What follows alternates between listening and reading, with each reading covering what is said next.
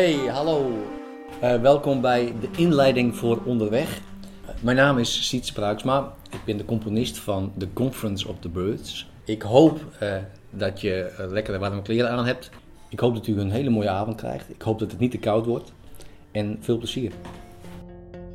Ik ben de componist en bedenker van The Conference of the Birds. Um, en um, ik ben eigenlijk muzikant. Ik ben klassiek slagwerker en maar ook helemaal gek van vogels. Ik wilde eigenlijk vroeger bioloog worden. En nu voeg ik eigenlijk in mijn werk alles samen. Dus mijn fascinatie voor landschap en vogels in combinatie met film en muziek.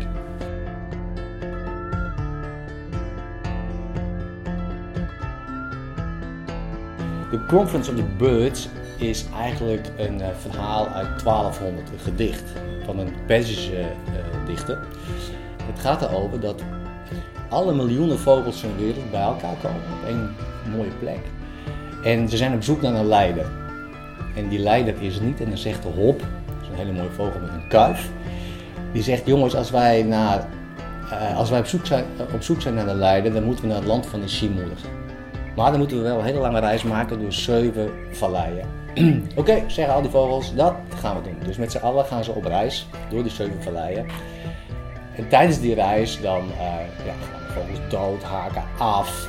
En op een gegeven ogenblik komen ze dus met 30 vogels aan in het land van de Simoeder. Maar daar is niks. Het enige wat ze daar zien is een heel klein meertje.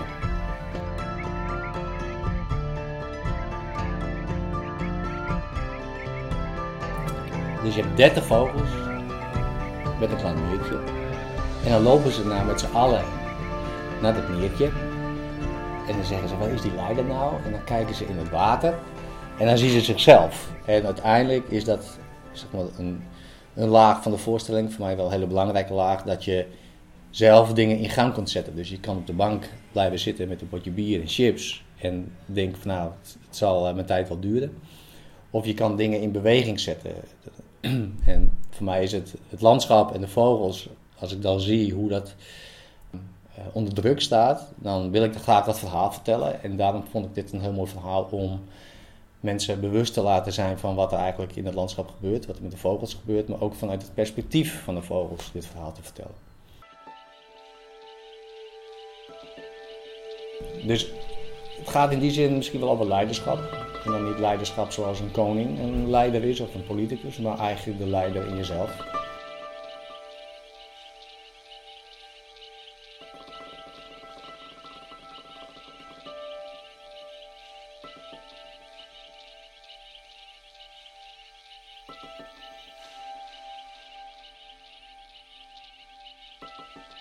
Uh, hallo, ik ben uh, Louis Thuriot.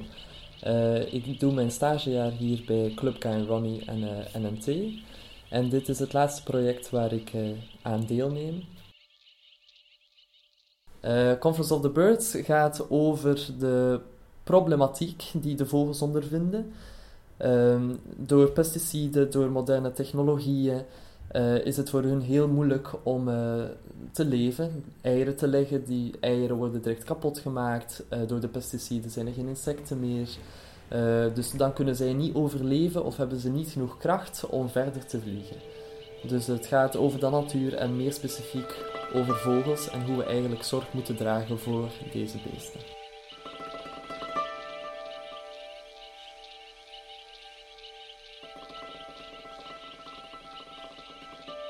Ik ben Christian Bot. Ik ben uh, hoogleraar ecologie aan de Rijksuniversiteit Groningen. En ik doe onderzoek aan vogels. En vooral hoe vogels zich aanpassen aan grote veranderingen in de wereld, zoals klimaatverandering. Ik doe vooral onderzoek aan trekvogels. Eigenlijk zijn dat Afrikaanse vogels die een uitstapje naar Europa maken om hier te komen broeden voor zeg maar een paar maanden per jaar. En het belangrijke daarvan is dat ze op het juiste moment aankomen. Want als ze vroeg aankomen, dan zijn er geen insecten en gaan ze dood van de honger. Als ze laat aankomen, dan is er nog maar weinig voedsel voor een jongen. En dan kunnen ze eigenlijk geen jongen grootbrengen. En waar wij dan onderzoek aan doen is uh, klimaatverandering vooral. En door klimaatverandering begint dat voorjaar steeds eerder. En die vogels moeten dus ook eerder gaan trekken. Maar in Afrika zitten ze. En in Afrika weten ze eigenlijk niet wanneer het voorjaar hier begint.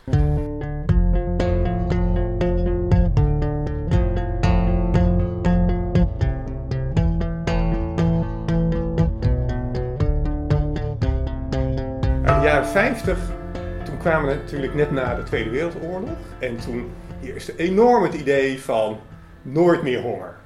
Die hongerwinter, en, uh, dat, dat, heeft enorme impact gehad. En toen was ook net uh, kunstmest uitgevonden. Dus toen is in hoog tempo is Nederland zeg maar op een nieuwe manier ontgonnen. Dus daarvoor was de landbouw redelijk kleinschalig. En het mooie was dat in dat landschap had je heel veel vogels die ook een plek hadden. Want er werd, er werd vrij veel geproduceerd. Bijvoorbeeld veel graan geproduceerd, maar een deel van dat graan bleef ook liggen na de oogst. En, en heel veel vogels die konden daarvan profiteren. De weilanden die werden een beetje bemest.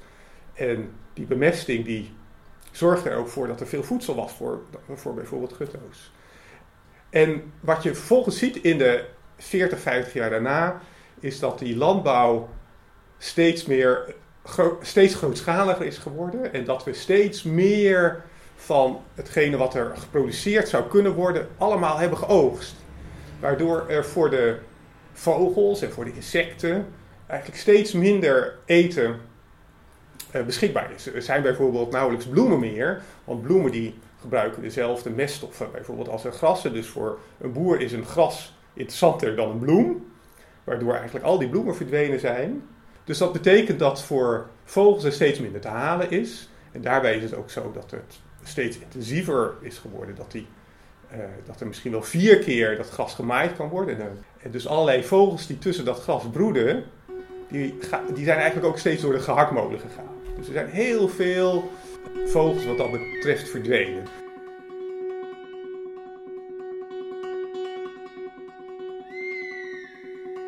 Toen ik jong was, in de jaren 80 zeg maar, toen vogelde ik ook al. En toen was de veldleeuwerik, bijvoorbeeld, was een hele algemene vogel. En overal in, in weidegebieden hoorde je die veldleeuweriken. Dat gaf enorm veel sfeer aan het hele landschap. En in Nederland is die veldleeuwerik met 90% achteruit gegaan. Die zijn bijna verdwenen. Die zitten tegenwoordig eigenlijk niet meer in agrarische gebieden, maar die zitten vooral in natuurreservaten. En de reden is dat het gewoon te intensief is geworden. Ja, en op het moment zie je wel een soort discussie natuurlijk op gang komen over de vraag of dit duurzaam is, of we dit ook willen. Het is zeer interessant om over dit thema te praten. Dus er is echt een betekenis in wat dat we zeggen. Plus ook qua uh, bewegingskwaliteit hebben we veel research gedaan.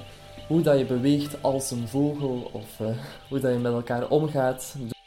Dus ik denk dat het uh, eerste idee echt was om de problematiek naar voren te brengen en om het te laten zien aan het publiek. Ook de, de setting is er naar gericht. Dus het wordt een soort nest, het publiek zit er rond, het is ook buiten. Dus we worden, het publiek wordt echt op de locatie geplaatst. Dus uh, we proberen het op zo'n danige manier te brengen dat het toch nog iets wat humoristisch is. Of uh, ja, gewoon mooi om naar te kijken of uh, te horen. Dat je de ogen kan sluiten en de vogelgeluiden ook in het park kunt horen en zo. Dus ja, we proberen een hele beleving van te maken en op die manier het onderwerp naar voren te brengen. Maar niet in een heel zwaar, dramatisch pakketje.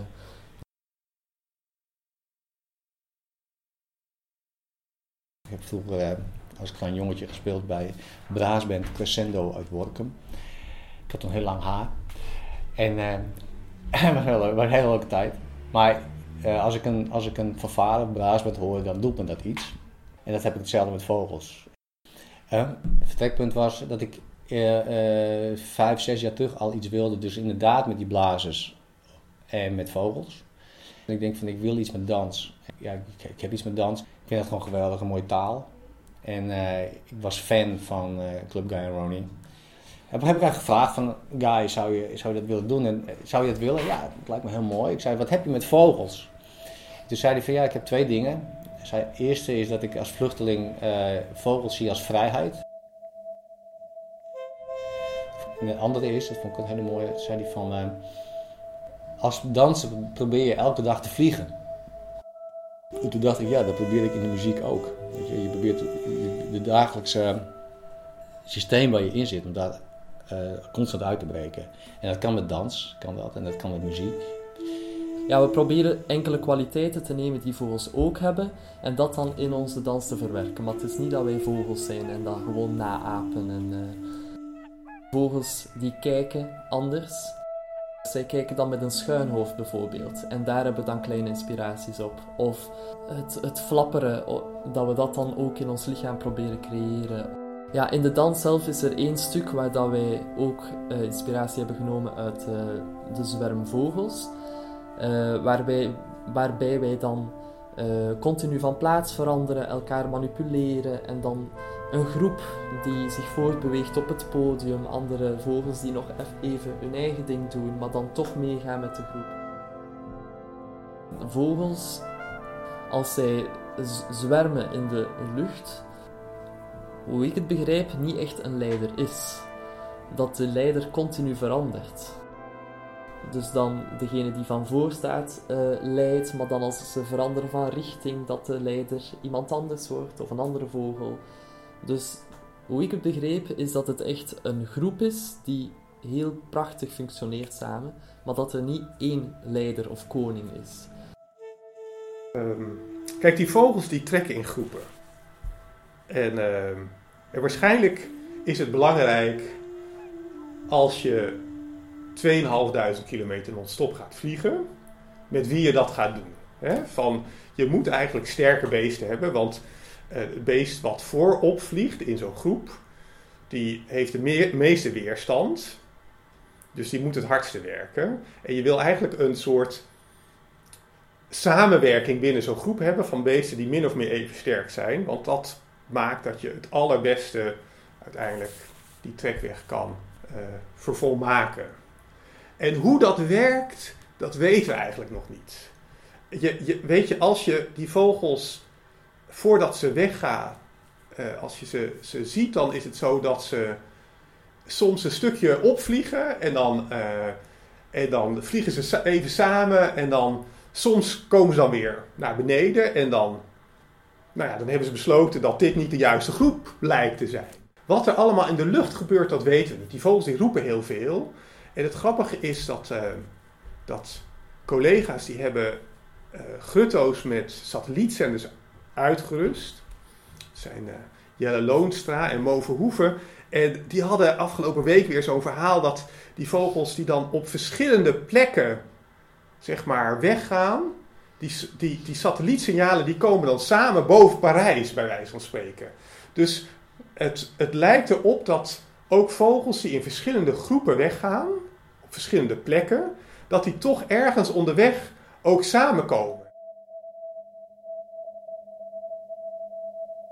Waarom bescherm je een bepaalde vogelsoort?